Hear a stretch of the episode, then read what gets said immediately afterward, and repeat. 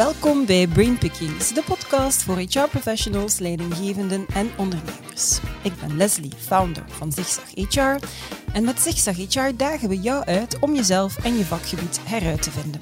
Abonneer je dus zeker op dit YouTube-kanaal of volg ons op jouw favoriete podcastkanaal.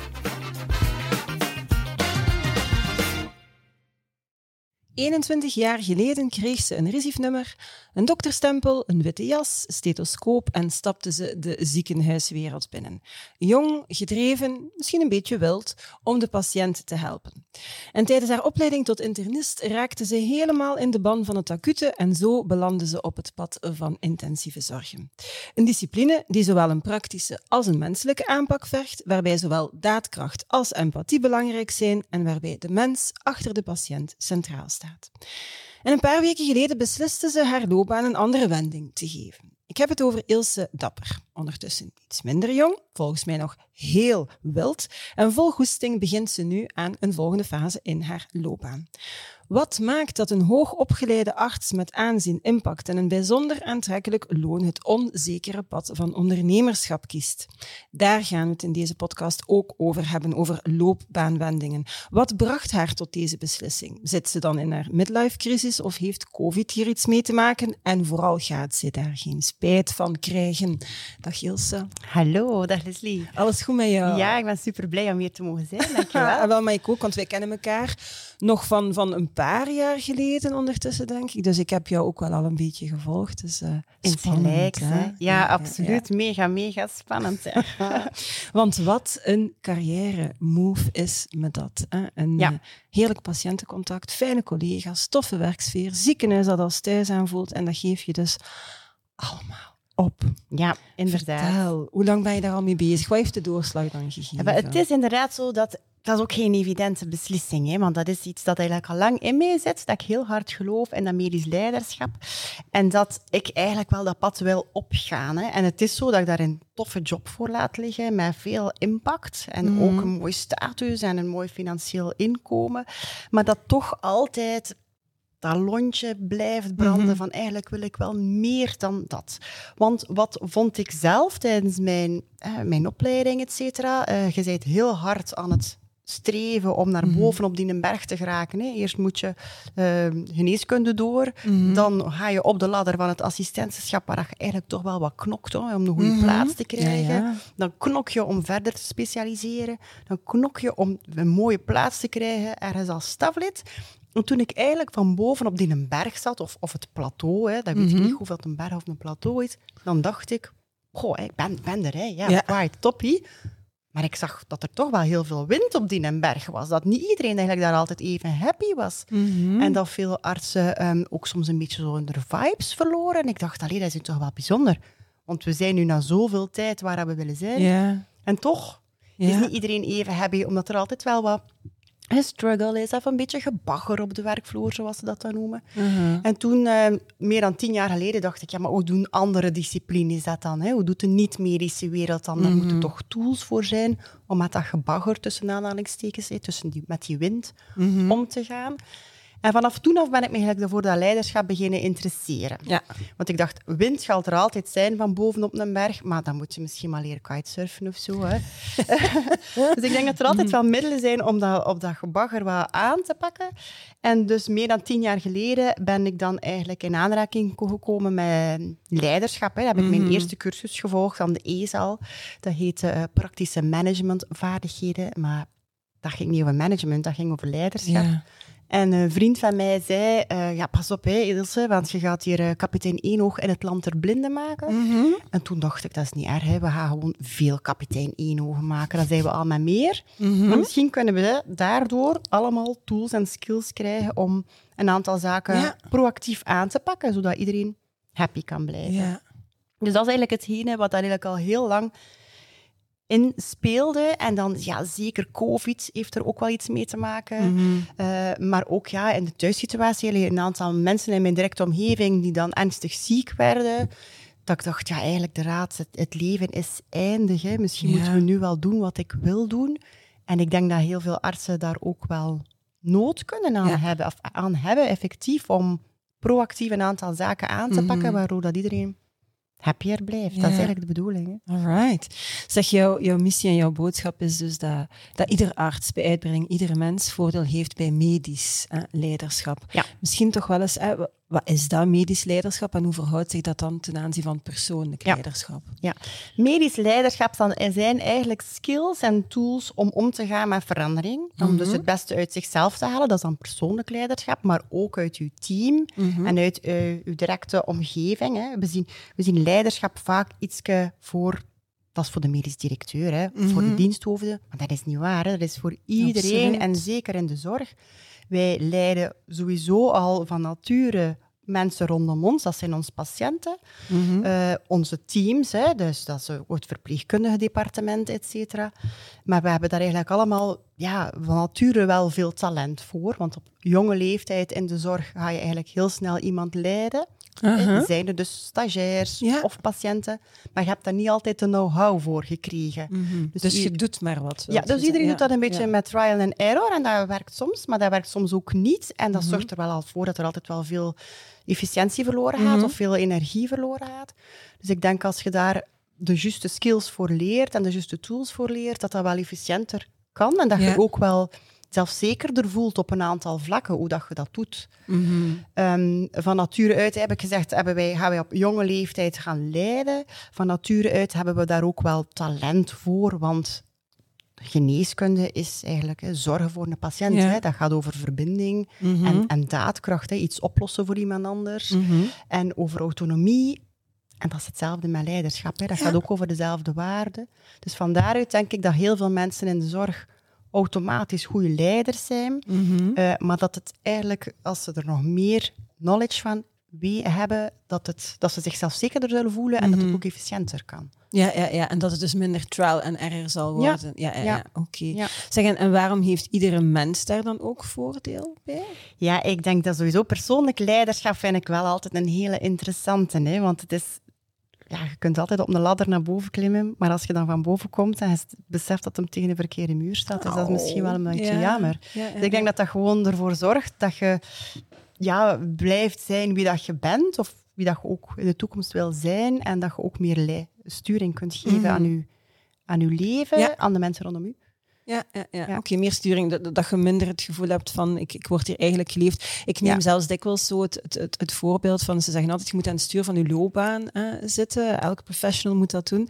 Maar soms, ik gebruik een beetje die metafoor, zitten mensen wel aan het stuur van een loopbaan, maar is dat zo'n boksautootje. je kent dat wel, je zit eraan te draaien, maar eigenlijk gaat dat ding totaal niet de kant uit wat je wilt. En dat gevoel heb ik soms aan mensen in een loopbaan zo ergens in zo'n botsautootje zitten en van, ik ben er wel aan het draaien, maar eigenlijk ga ik niet meer de kant op dat ik wil. Ik weet het zelfs niet welke kant ik op wil. Ja, en denk dat je persoonlijk leiderschap, daar start het eigenlijk vaak bij. Hè? Want in de zorg zijn wij heel goed allee, met, makkelijker met leiderschap rondom ons bezig, mhm. met medisch leiderschap. Hè. We vinden bijvoorbeeld empathie naar een mhm. ander toe, is voor mensen in de zorg vaak makkelijker dan empathie naar zichzelf. Ah, ja.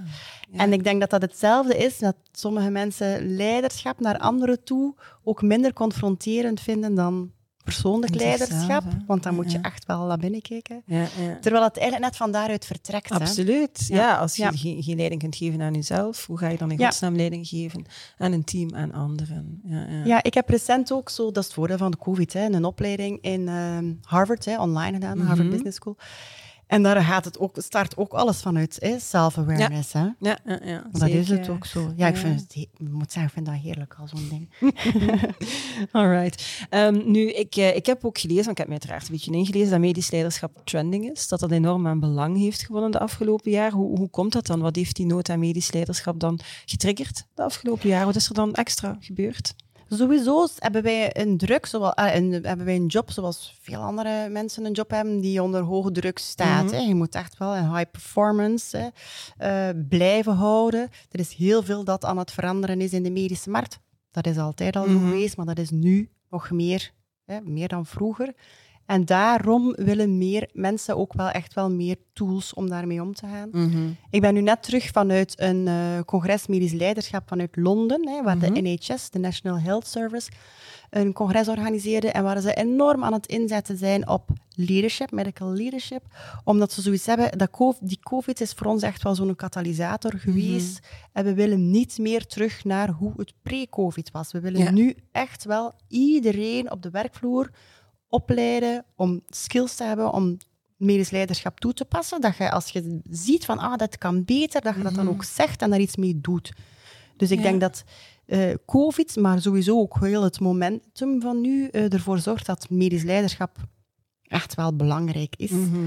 Ehm, in de UK, zoals ik zei, maar ook in Nederland en in eh, Canada, hebben ze een andere soort zorg. Hè. Hebben Daar is de Mhm. zorgverzekeraar of de overheid veel Ja. belangrijker. En daarom zijn ze daar ook zo aan op aan het inzetten. Hè, van, Ja. Zorg ervoor dat je als zorgprofessional aan de, in de lead kunt blijven. Ja, ja, ja. Oké. Nu, in ehm, 2016 is het, denk ik, startte je ID-lab op. Dat was toen als bijberoep. Vanaf nu dus ah, hoofdberoep. Ah, welkom in het ondernemerschap, denk ik dan, waar de lat genadeloos hoog gelegd wordt. Hè. Voor onszelf, we zijn als de dood dat we ontmaskerd gaan worden. En toch combineren de meeste ondernemers dat met zo'n hoog pipi langkous gehaald. Of ik heb het nog niet gedaan, maar weet je, ik ben er 100% van overtuigd dat ik dat wel kan. Hè. Hoe ga jij heel concreet artsen gelukkiger maken op het werk? En vooral, hoe gaat die een patiënt daar beter Ja. van worden? Ik denk een happy doctor zorgt automatisch hè, voor een meer happy omgeving en Mhm. ook een happy patiënt. Hè. Als een dokter soms een beetje bitsig kan doen, heeft dat Mhm. meestal niets met die patiënt te maken, Nee. maar alles met zichzelf. Dus de hoofdmissie is van mij echt wel om artsen te inspireren om leiderschap op zich te nemen, omdat leiderschap echt wel een katalysator is van een heel veel gebeurens. Ik ehm, organiseer daarvoor verschillende zaken. Ik wil dus echt wel workshops, ik, of ik Mhm. ben bezig met workshops in de markt te zetten, waar artsen met een open access tools Gewoon, kunnen leren, mhm, onafhankelijk van met wie dat ze daar samen zitten. Ik ga dat nu ook aan ziekenhuizen en artsenassociaties aanbieden. Mhm. En dan eh, daarnaast doe ik ook nog one-to-one eh, coaching Ah ja, met, voor ehm, artsen. En eh, geef, ga ik heel veel gaan spreken op congressen om overal eh, de mensen daarmee te besmetten. ja, Positief besmetten ja, dan. wel, ik wel, moet ja. zeggen, een van mijn slagzinnen was altijd zo de positive vibes pandemic. Ik heb die dan heel lang niet meer durven gebruiken. Mhm. Maar ik ben hem nu toch terug aan het gebruiken, want dat is echt wel, het is ook echt wel hetgene wat ik bedoel. Ik denk dat we, als we met een paar nog maar zo denken en zo'n skills Mhm. hebben om andere mensen, eh, om dat, dat eh, proces aan te pakken, dat je de rest daar ook mee positief besmet. ja, hè. ja, absoluut. De En waarom, ja, waarom zou je dat dan inderdaad niet doen? Want ik weet nog in het begin eh, van COVID hebben, ik denk dat ik ook de hashtag positief virus heb gebruikt. In de zin van ook een positief virus is besmettelijk. Ja. Dus ja, ik, ik, ik ben daar zelf wel, wel een believer en een voorstander van. Maar je gaat het dan dus niet alleen doen. Of, Eh, Wel, ik hoor, laat mij nu omringen met een heleboel Mhm. freelancers die dan samen met mij die eh, workshops in de markt Mhm. zetten. ja. Eh, voor mij, wat is belangrijk, het is natuurlijk dat de artsentaal gesproken Ja. wordt, dat het evidence-based is, maar ook Ja. heel praktisch. Mhm. Dus vandaag gaan we doen. Daarvan dat die opleiding van Harvard Business School ook wel... Eigenlijk heb ik daar veel dingen gezien dat ik al wist, maar het was een andere kapstok. Ja.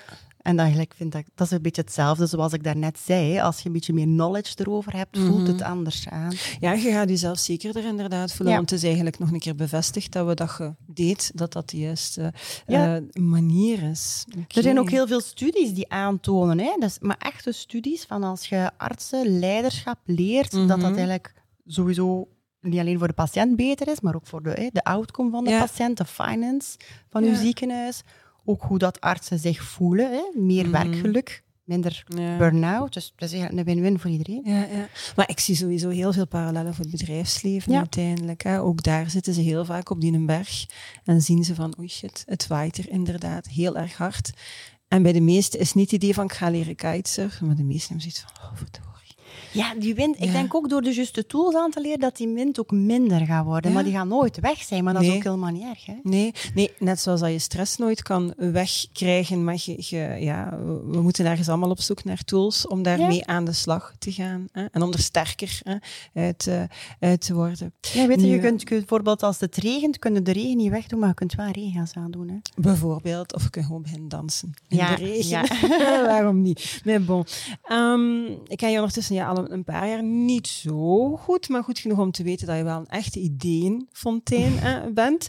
Ik ben er zeker van dat dat enorm knettert in je hoofd. Waar tank jij zoal inspiratie? Welke boeken liggen er op jouw leestapel? Naar welke podcasts luister je? Welke mensen vind je inspirerend? Binnen je vakgebied, buiten je vakgebied? Ja, ik denk sowieso dat we heel veel van de, dus zowel de medische wereld als de niet-medische wereld, dat wij gigantisch veel van elkaar kunnen Mhm. leren.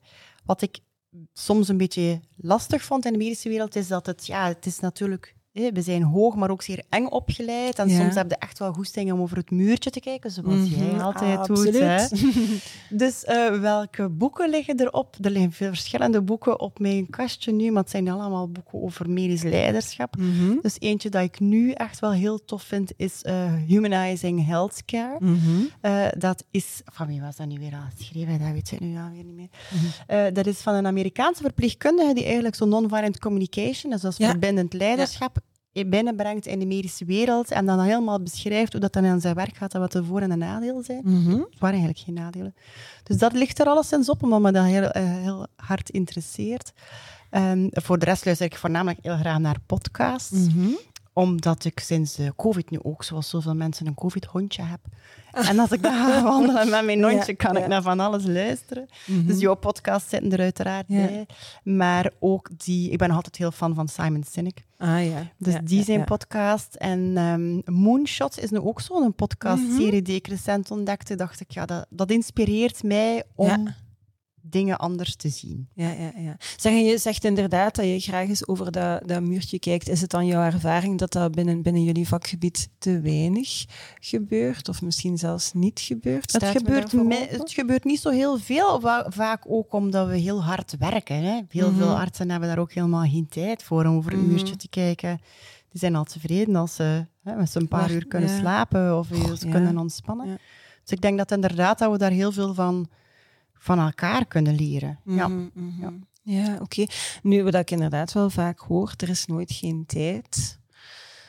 Als we nooit geen tijd gaan maken om te leren van anderen of zelfs van binnen je eigen vakgebied, dan uiteindelijk gaan we in zo'n soort vicieuze cirkel, noem ik dat dan, terechtkomen. Maar ik kan me inbeelden, bij artsen is dat toch nog wel net iets anders natuurlijk. Maar in, bijvoorbeeld in HR hoor je dat ook heel vaak, dat mensen zeggen van ja, ik wil wel over dat muurtje kijken, maar les, ik heb geen tijd. Er is altijd. Hè. Er- ja, dat gaat hem om tijd maken. Hoe belangrijk is het voor jou om, om ja, met die bril... Ja, en als je soms al eens een analyse doet van je Ja. tijd, dan weet je waar dat het naartoe gaat, waar het niet naartoe gaat. Ja, Er zijn veel dingen die altijd wel iets praktischer aangepakt ja, kunnen worden, denk ik. zeker, Zeker Ja. en vast. En ik denk dat juist die individuele groei net zo belangrijk is, hè, om, Mhm. om ook happy te blijven. Ja, zeker. Zeg, waar zie je jezelf en Ideelab binnen vijf jaar? Ja, ja, dat vind ik een hele moeilijke vraag. Ik zou zo graag gewoon, gewoon, hè, tussen aanhalingstekens, eh, een beetje een begrip zijn dan in de medische wereld. Mhm. En in Vlaanderen en liefst natuurlijk ook nog buiten. Dat mensen zo zeggen, ah ja, weet je, ik ga, ik ga daar naartoe en dan leer ik toffe dingen en leer ik toffe mensen kennen en kan dat praktisch toepassen. En dat zorgt ervoor dat ik dichter bij mezelf blijf en, Ja. en happy kan blijven, ja. Ik zeg al heel lang, ik wil, ik wil gewoon een school of leadership. echt thought leadership. Dat jij Ja. de referentie wordt binnen jouw vakgebied, internationaal, als het eventjes mag. Als het ook nog eventjes mag. Ja. Meestal big, helpt het als je dat... Ja, maar je moet... You have to dream big. Dat vind ik het leuke als ik zo in het hoofd kruip van start-ups en scale-ups. Ik weet, daar hangt er om de deur zo'n beetje zo een zweem rond van, oh ja. Maar die dromen echt heel groot. En het is pas als je heel groot durft te dromen en echt heel hoge ambities hebt, dat je, dat je ver gaat geraken. Als je altijd zegt, ik ga maar voorzichtig zijn, is ook typisch Vlaams, Belgisch. Van, Ja, rustig, stilletjes, doe maar normaal. Val maar niet te veel op. Nee, je moet Ja, ja, ja. Een, een, neef van mij zei onlangs dat eh, Richard Branson zou gezegd hebben van if your dreams don't scare you, they aren't big enough. Ja, voilà, maar daar komt het wel Dat is waar, dat is ook de reden waarom dat ik nu echt wel hè, mijn job eigenlijk on, gestopt ben. Hè, Want Mhm. anders bleef Ideelab een hobby en Ja. dan neem je dat niet serieus. Ja, ja. Terwijl ik denk, ja, maar ik geloof daar ook echt wel in. Dus dan moet je En dan moet je er 100% voor gaan. Ja. Anders blijft het inderdaad altijd Anders blijft het een hobby, hè. En dan neem je dat zelf niet serieus en de rest neemt je ook niet serieus. Ik vind dat heel knap gesproken. zeg, eh, Ilse, wat wil je dolgraag doen, maar zal er waarschijnlijk nooit van komen? Wat ik nu doe, is hetgene wat ik echt dolgraag wil doen. Wat Ja. ik ook ergens ooit nog wil doen, maar misschien komt dat er wel nog van, is zo'n galerijtje hebben of zo. Oké. Ja. Ja. Een galerij met jouw eigen kunstwerken ook dan, of nee? Enkel Ja, van, ja. eh, mijn dochter kan heel mooi schilderen. Dus mijn dochter haar kunst en dan nog een beetje andere kunst. En zo mensen blij maken met mooiheid. Ja. Ja, blij maken en happy, dat heb ik wel heel vaak. Dat is wel eh, waar, hè? Ja, ja, Ja, Dat zit wel als een rode draad ertussen. Maar misschien komt dat er wel nog van. Ik Mhm. denk, ja, een droom die je zo echt hebt, die je nooit van zal geraken komen. Ik weet het zo niet goed. Ja, Ik ken een, eh, een vrouw die mij heel veel heeft eh, geïnspireerd en met wie ik ook een paar jaar heb mogen samenwerken. Die had eh boekes, noemde ze dat. Een B-O-E, back of the envelope. En als hij zo een droom had of een idee had, dan schreef hij dat daarop. En sommige envelopjes verdwenen en andere envelopjes kwamen eigenlijk systematisch terug op de voorgrond. En op die manier, ja, werden sommige van die dromen realiteit. Dus het is de mate waarin dat zo'n droom jouw energie geeft of telkens terug op de voorgrond komt, die eigenlijk een stukje concreet maakt van ik moet er echt wel mee aan de slag. En het feit dat dat dan continu in je hoofd komt, ja, dan, dan ze zeggen, en dan toevallig komt je dan mensen tegen. Dat is niet waar, dat is omdat, omdat je daarmee bezig bent en dat je, dat je plots dingen ziet die je anders niet ziet. Dus het is mooi om veel dromen te hebben, ook al weet je dat ze niet altijd gaan uitkomen. Maar we moeten durven Ja, dromen, gaan, blijven hè. dromen en er inderdaad durven voor gaan. Als je zegt van hier ga ik echt mega gelukkig van worden en hier ga ik een verschil maken, hier zou het ja. zeggen, moet je ervoor gaan. Ja, hadden ze mij tien jaar geleden gezegd, hè, je gaat hè, dan je job opgegeven hebben om ondernemer te worden en je gaat een hondje hebben. Ja, Ja. dacht, yeah, right, yeah, right. Wat voor hondje heb je eigenlijk? Ja, het is eh, een geadopteerd hondje. Hè. Oké. Het is van een oud madameke die naar het rusthuis moest. Oh, ja. en die lag bij ons toevallig in het ziekenhuis. En ja, dus vonden geen opvang. Allee, dat hondje Ja. is dan zo bij ons gekomen. Ah ja, oké. Het is een lief hondje. Dat is een oud lief hondje. Ja. Ik heb ook een covid-hondje. Ah ja? Dat is een pup, ja. En die is extreem enthousiast. Ah, ja. Dus dat was een fantastisch eh, moment, maar eh, ik slaap elke nacht een uur minder dan Ah ik ja, zou willen slapen daardoor. Oh, ja. Nee, geven. Ja, nee, dat gaan we niet doen. dat gaan we niet doen. Zeg, eh, en in wiens hoofd moet ik volgens jou zeker eens kruipen? Eh, en waarom vooral? Want ja, er zijn veel boeiende mensen natuurlijk, maar in wiens hoofd moet ik kruipen? En waarom zou dat voor de HR-community van zich Ja. HR interessant zijn? Ja, wel, ik vertelde jou daarnet hè, dat ik dus meer dan tien jaar geleden mijn eerste opleiding leadership volgde. En dat toen een vriend zei, hè, je mocht dat niet doen, dan ga kapitein Enoog zijn. Mhm. En dat was Thomas. Thomas de Wulf is ehm, een goede vriend van mij. Dat is de CEO van Ormit. Mhm. Een bedrijf dat managers opleidt en die heel veel met leadership bezig zijn. Maar wat ik het mooie eh, vind en het boeiende daaraan is dat je eigenlijk dat, ze, dat je daar kunt zien hoe de young professionals dat leiderschap Mhm. op zich nemen en dat ervaren. En dat in combinatie met mensen die al meer maturiteit hebben. Ja. Dus ik denk dat dat wel boeiend is, omdat je zo van verschillende kanten dan te zien hoe pakt een junior dat aan Mhm. en hoe doet een senior of een mentor dat dan in. ja. En wat kunnen die leren van Ja. elkaar? Ja, het gaat Ja, continu over muurtjes kijken. Ja, ja, ja. ja. Oké. Dus ik, eh, ja, ik denk Mm. dat Thomas wel een interessante zou zijn. Dus ik mag Thomas bellen met jou. Hij mocht groeten. Thomas bellen met mij groeten. Dat gaan we zeker doen dan. Ehm, tot slot, Ilse, welk ultiem inzicht wil jij graag meegeven aan mensen die nu luisteren of Ja. kijken? Ik zou heel graag meegeven dat leiderschap eigenlijk iets voor iedereen is. Dat er gewoon voor zorgt dat je hè, geconnecteerd bij jezelf blijft, dat je zelf de good vibes blijft behouden en dat kan uitstralen naar, naar je omgeving, hè, wie dat, dat dan ook allemaal is. Dat is eigenlijk mijn hoofdboodschap. Ja. Het, is, ehm, het is voor iedereen. Hè. Het is voor iedereen en begin ook bij jezelf. Absoluut. Ja, oké. Merci Ilse dat ik uh, in je hoofd. Ik hoop dat het niet te veel geknetterd heeft nu dan. het knettert altijd. Hè. okay. Dus dan heeft het geen pijn Nee, nee, nee. voilà. Merci. Um, ja, Lap, het zit, er, eh, het zit er alweer op. Vond je deze podcast fantastisch? Ja, vertel dat dan natuurlijk aan zoveel mogelijk mensen. Verder, heb je honger naar meer? Ja, dan zou ik voorstellen om zeker naar ons, uh, ons naar ons YouTube-kanaal te surfen. Of volg deze podcast op jouw favoriete podcastkanaal. Ja, de allercoolste HR professionals zijn natuurlijk al lang geabonneerd op ons tijdschrift. En misschien moet je daar ook wel eens werk van maken. En het aller, allerbelangrijkste, weten jullie al, it's a great time to be in HR. Tot de volgende!